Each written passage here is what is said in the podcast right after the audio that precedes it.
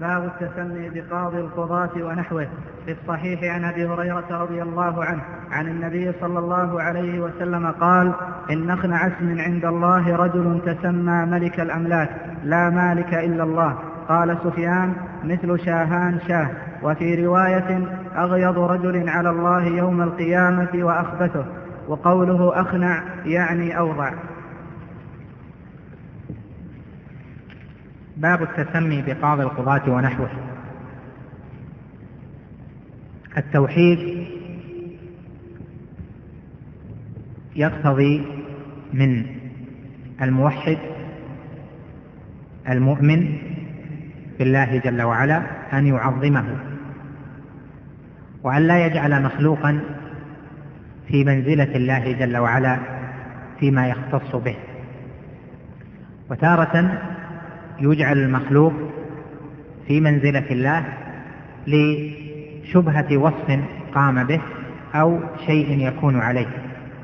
ككون, ككون القاضي هو رئيس القضاة أو أعلم القضاة فيجعل فيجعل في اللفظ والتسمية قاضيا للقضاة. فلهذا نبه الشيخ رحمه الله على أن التسمي بالأسماء التي معناها إنما هو لله جل جلاله أن هذا لا يجوز والتوحيد يقتضي ألا يوصف بها إلا الله وألا يسمى بها إلا الله جل وعلا. فتسمية غير الله بتلك الأسماء التي ستأتي لا تجوز ومحرم بل هي أخنع الأسماء وأوضع تلك الأسماء وأبغض الأسماء إلى الله جل جلاله. قال باب التسمي بقاضي القضاة ونحوه. قوله التسمي يشمل ما إذا سمى نفسه أو سماه غيره به فرضيا أما إذا سماه غيره به فلم يرضى فإنه لا يدخل في الذم لعدم الرضا. فإذا سمي بذلك فيلحق الوعيد المسمي ومن رضي بذلك الاسم.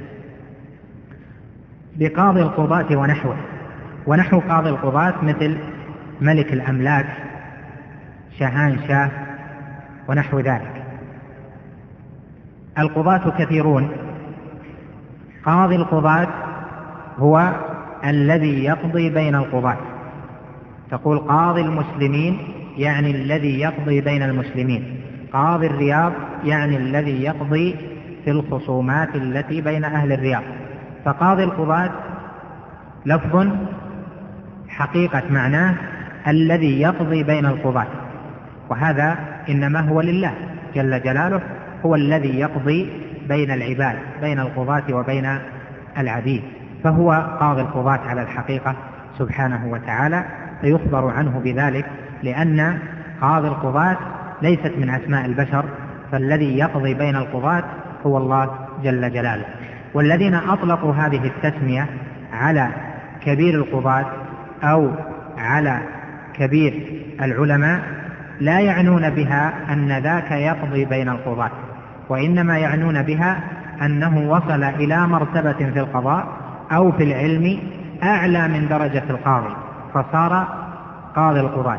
كما شاع في الزمن المتأخر في الدولة العثمانية أنهم يسمون المفتي شيخ الإسلام ووكيل المفتي وكيل شيخ الإسلام تسمية خاصة وهذا انتشر في بلاد المسلمين عن التسمية بقاضي القضاة ونحوه من نحو القرن الرابع الهجري إلى أوقات متأخرة قريبة من هذا الزمان. فإذا الواجب على العبد أن لا يجعل هذه التسمية جارية على لسانه ولا أن يرضى بها. كذلك مالك الأملاك أو شاهان شاه يعني ملك الأملاك. هذا فيه تسمية البشر بما يختص بالله فإن الأملاك الذي يملكها هو الله جل وعلا. والأملاك واسعة وإنما البشر يطلق عليه أنه مالك للشيء المعين وليس مالكا لكل شيء فالذي يملك كل شيء هو الله وحده. والبشر يملكون بالإضافة بعض الأشياء وكذلك الملك بالضم وهو نفاذ الأمر والسيطرة فإنه يكون في بعض الأرض وليس في كل الأرض. فالذي يملك يقال عنه ملك أو مالك إذا كان يملك ملكا أو ملك إذا كان يملك ملكا بمعنى نفاذ الأمر ويضاف إلى بقعته. فيقال ملك المملكة العربية السعودية ملك الأردن ونحو ذلك. وأما الإطلاق العام ملك الأملاك أو شاهنشاه فإن الأملاك منها ما هو على الأرض ومنها غير ذلك وهذا إنما هو لله جل وعلا فالتوحيد يوجب ألا يتسمى بذلك أحد وألا يرضى بتسمية أحد بذلك حتى لو وجدته في بعض الكتب فلا تنقله كما وجدته.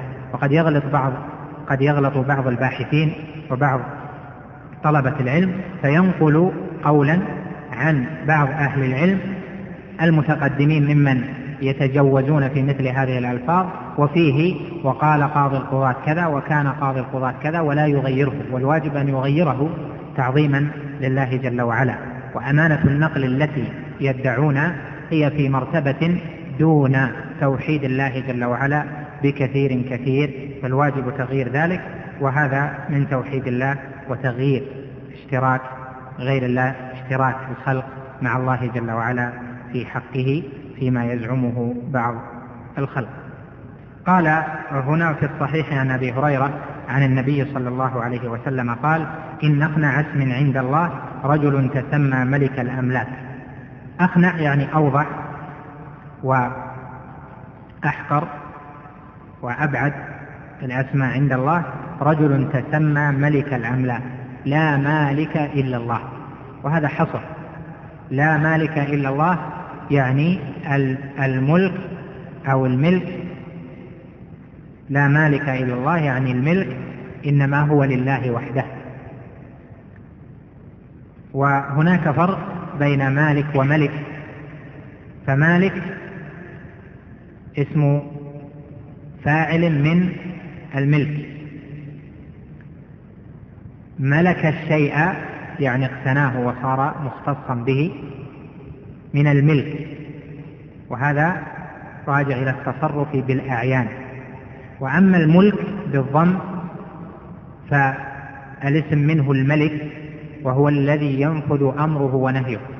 فيرجع اسم الملك أو الملك إلى المعاني. فصار عندنا ملكا وملكا. الملك راجع إلى الأعيان والملك راجع إلى المعاني. هذا في قول عدد من محققي أهل اللغة. قال سفيان مثل شاهان شاه وفي رواية أغيض رجل على الله يوم القيامة وأخبث. وسبب كونه أغيض رجل وأخبث رجل أنه جعل نفسه مماثلا لله جل وعلا في الحق بهذه التسمية. نعم.